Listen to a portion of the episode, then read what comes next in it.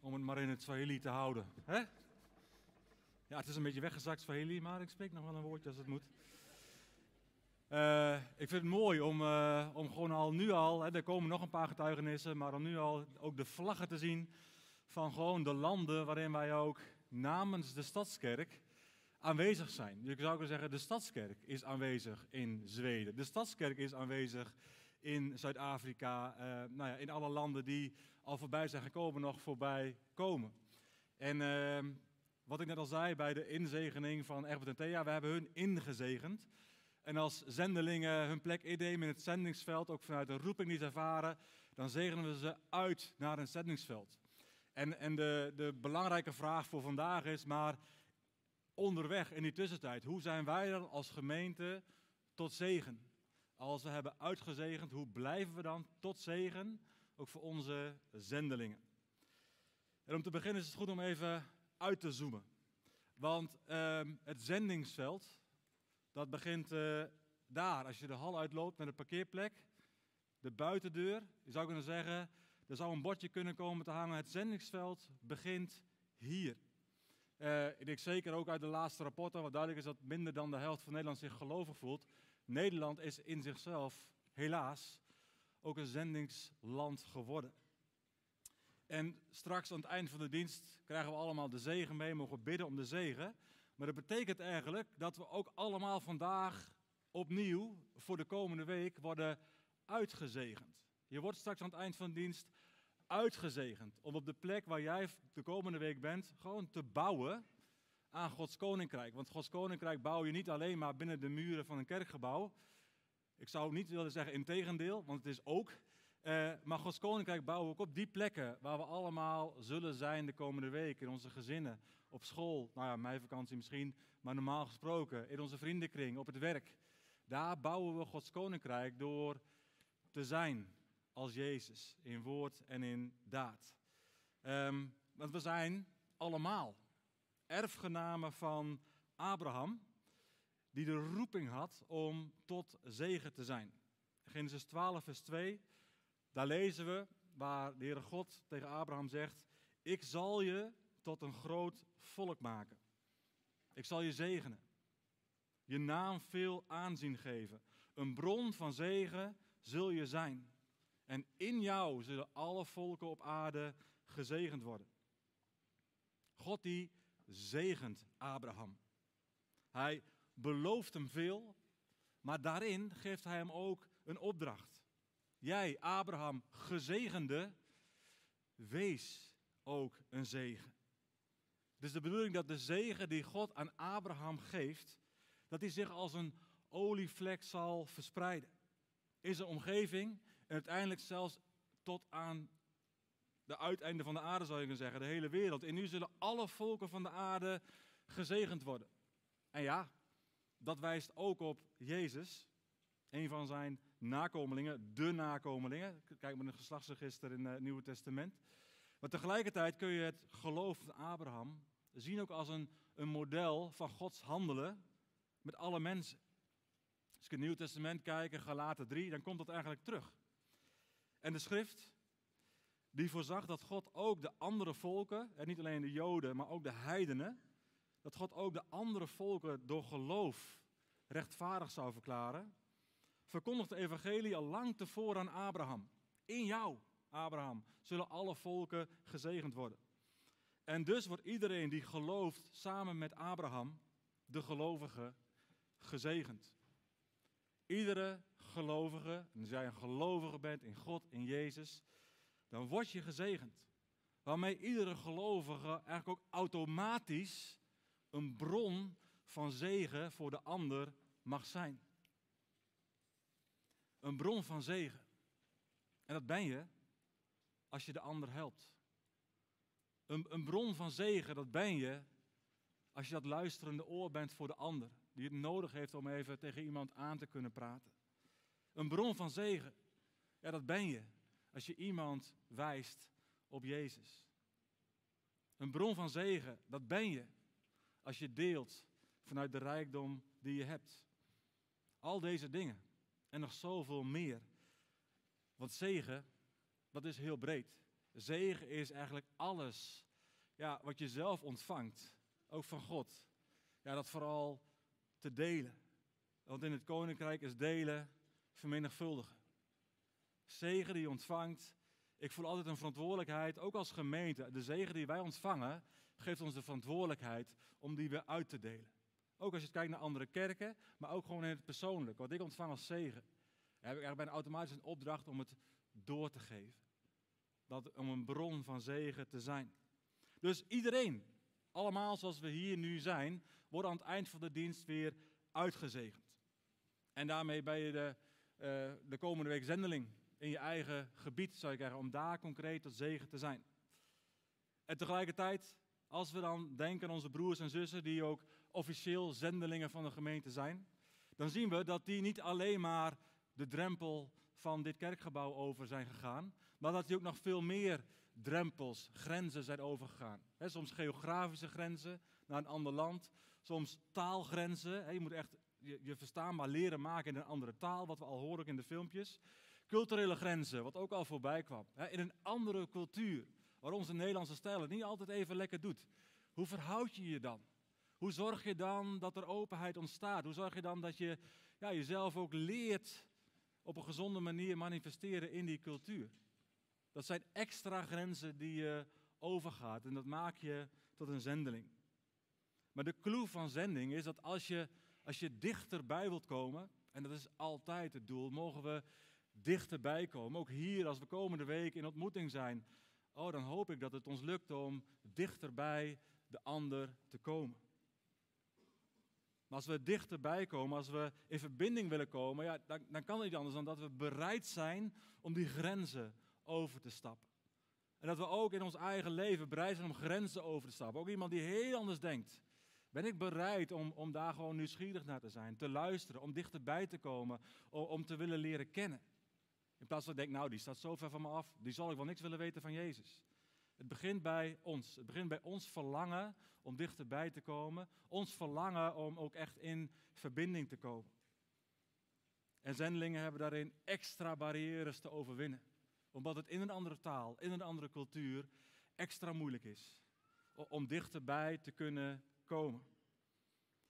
Een tijd geleden eh, is er een onderzoek gedaan waar ik van las. Een onderzoek naar zendingswerk in Thailand. En dat is niet Gronings voor het eiland, Schiermonnikoog, maar echt Thailand. Hè, dus echt daar in Azië. En de onderzoeker die richtte zich op twee soorten christenen. Twee groepen christenen die in het land gingen. De eerste groep die richtte zich eigenlijk primair op uh, het geven van praktische hulp. Je zou kunnen zeggen bijna meer ontwikkelingswerk. een dokterspost oprichten, weeskinderen opvangen, cursussen geven, hoe je ook gezonder kunt leven en ga zo maar door. En dat deden ze heel duidelijk vanuit hun eigen christelijke overtuiging. Daar waren ze ook vrijmoedig over als daarnaar gevraagd werd. Daar waren ze niet geheimzinnig over. Maar ze preekten niet, ze deden niet aan evangelisatiecampagnes. En als ze zondag samenkwamen, ja, dan stond de deur open en iedereen die daarbij wilde zijn, was welkom. Dat was de eerste groep. En in een andere provincie was er een andere groep en die hadden een hele andere insteek. Die hadden de insteek, ons doel is dat binnen twee jaar iedereen in deze omgeving in ieder geval één keer de boodschap van het evangelie heeft gehoord. Dus die deden juist wel evangelisatiecampagnes. Die begonnen zondagscholen, uh, kinderkampen waar de bijbelverhalen klonken en al dat soort activiteiten.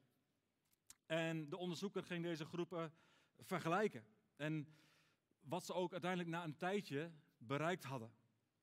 En één ding wat hij vond, en dat is misschien weinig verbazend, is dat die eerste groep meer impact had op de leefomstandigheden van de mensen die ze dienden. Je zou kunnen zeggen dat is een, een horizontaal effect.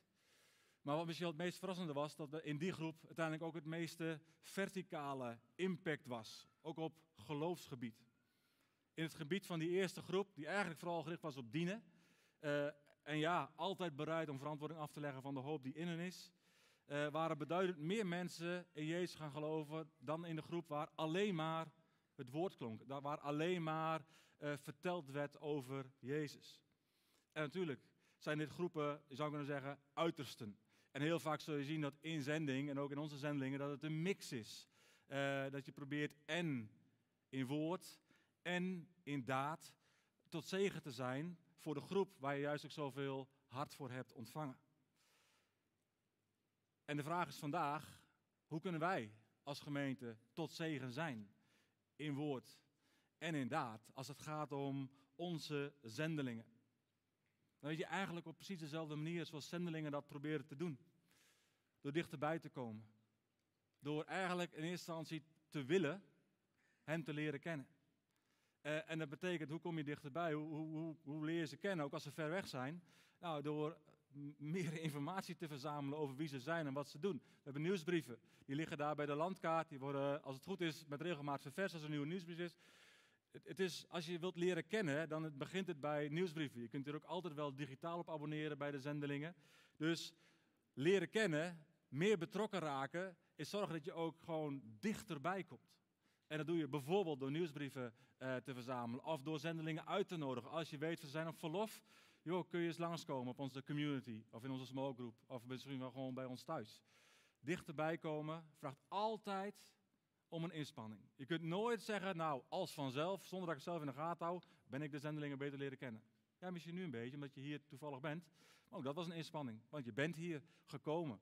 En nu word je gevoed. En ik hoop dat het iets opwekt. En dat er misschien wel één zendeling of zendelingen echtpaar tussen zit waar je zegt van, oh, maar daar zou ik graag meer over willen weten. En dan is dat goed. We hoeven niet, we hoeven niet allemaal voor alle zendelingen eh, tot een steun te zijn. soms kunnen we dat, of soms, we kunnen dat ook heel goed verdelen op een gezonde manier.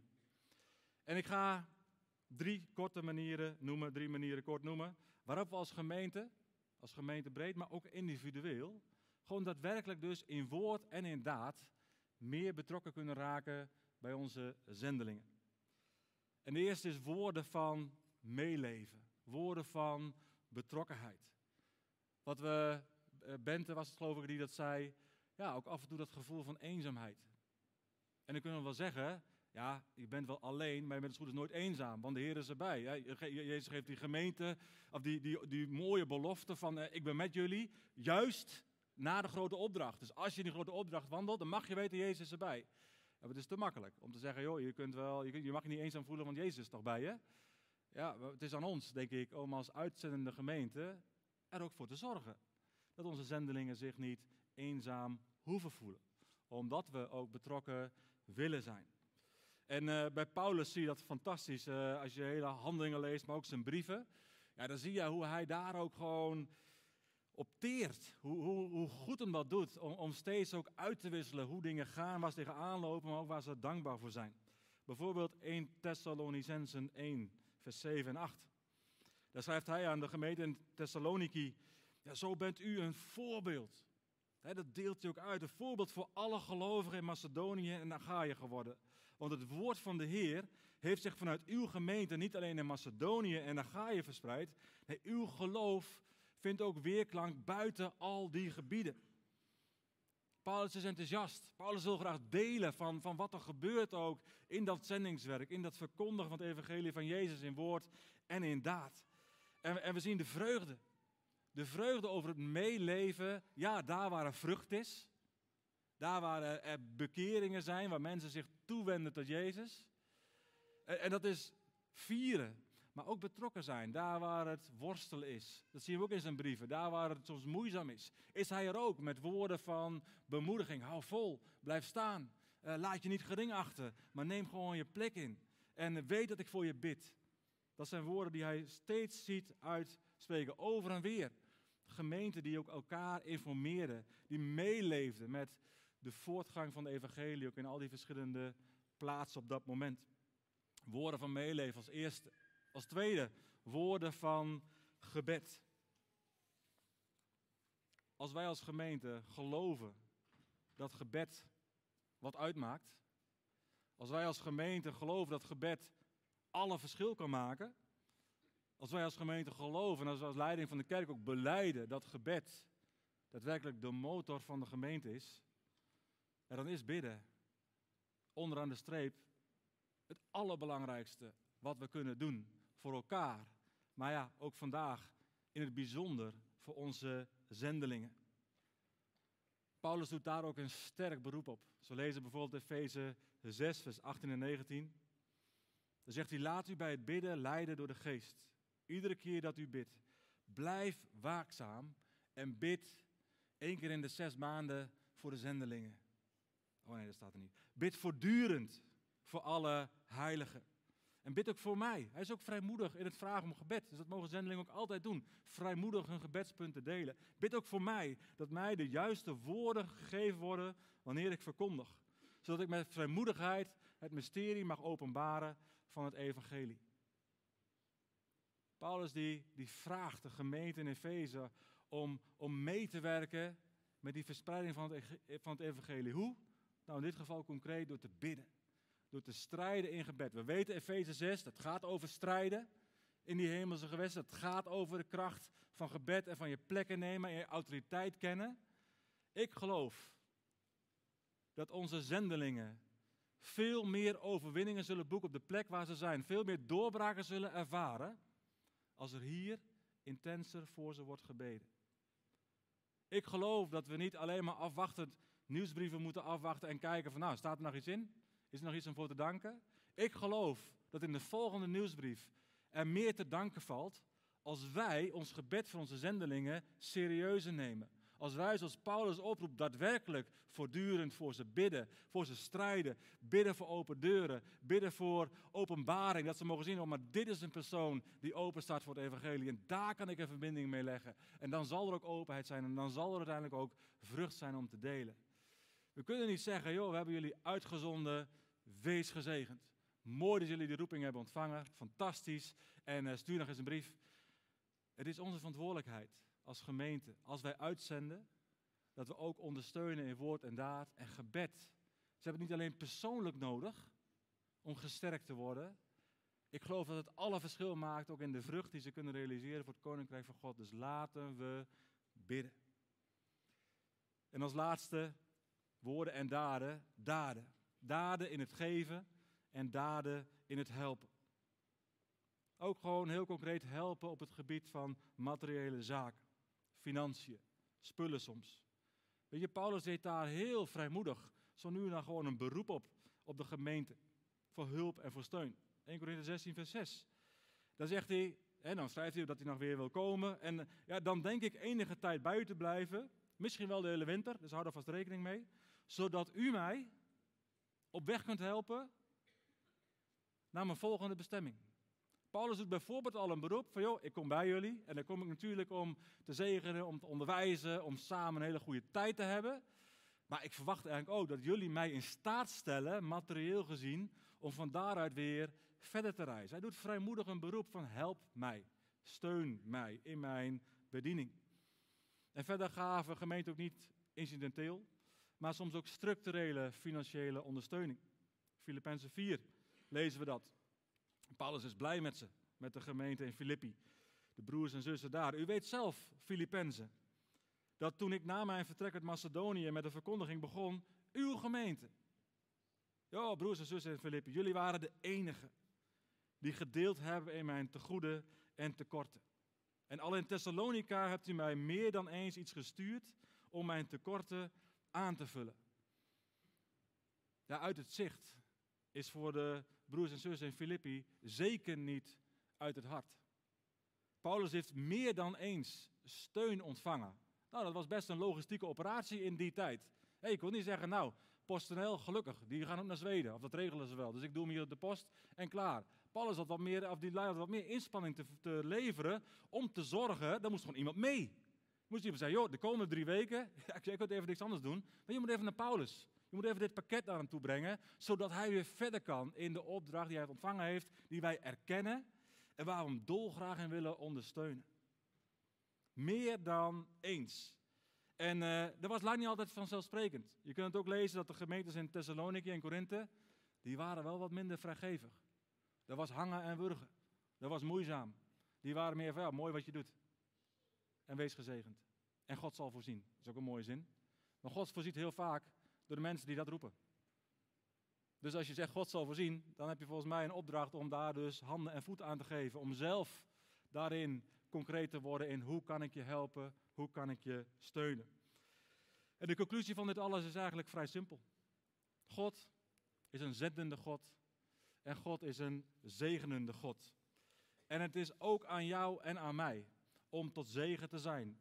Ook weer als we hier de kerk uitlopen, naar de mensen om ons heen. maar zeker ook naar onze zendelingen. Amen. Laten we bidden. Ja, Vader in de hemel, ik wil u danken dat ook vanuit uw woord, en zeker ook in die bijzondere belevenissen van Paulus, we ook zien ja, hoe dat werkt.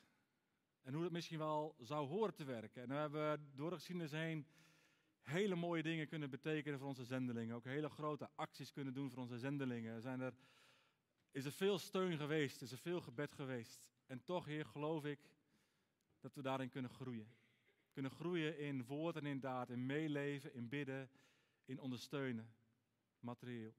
Heer, wilt u ieder van ons ook laten zien hoe we dat mogen doen? Hoe we daar meer betrokken op kunnen raken, zodat zij uiteindelijk ook met meer vreugde, maar ook met meer kracht een plek kunnen innemen daar waar u hen geroepen hebt.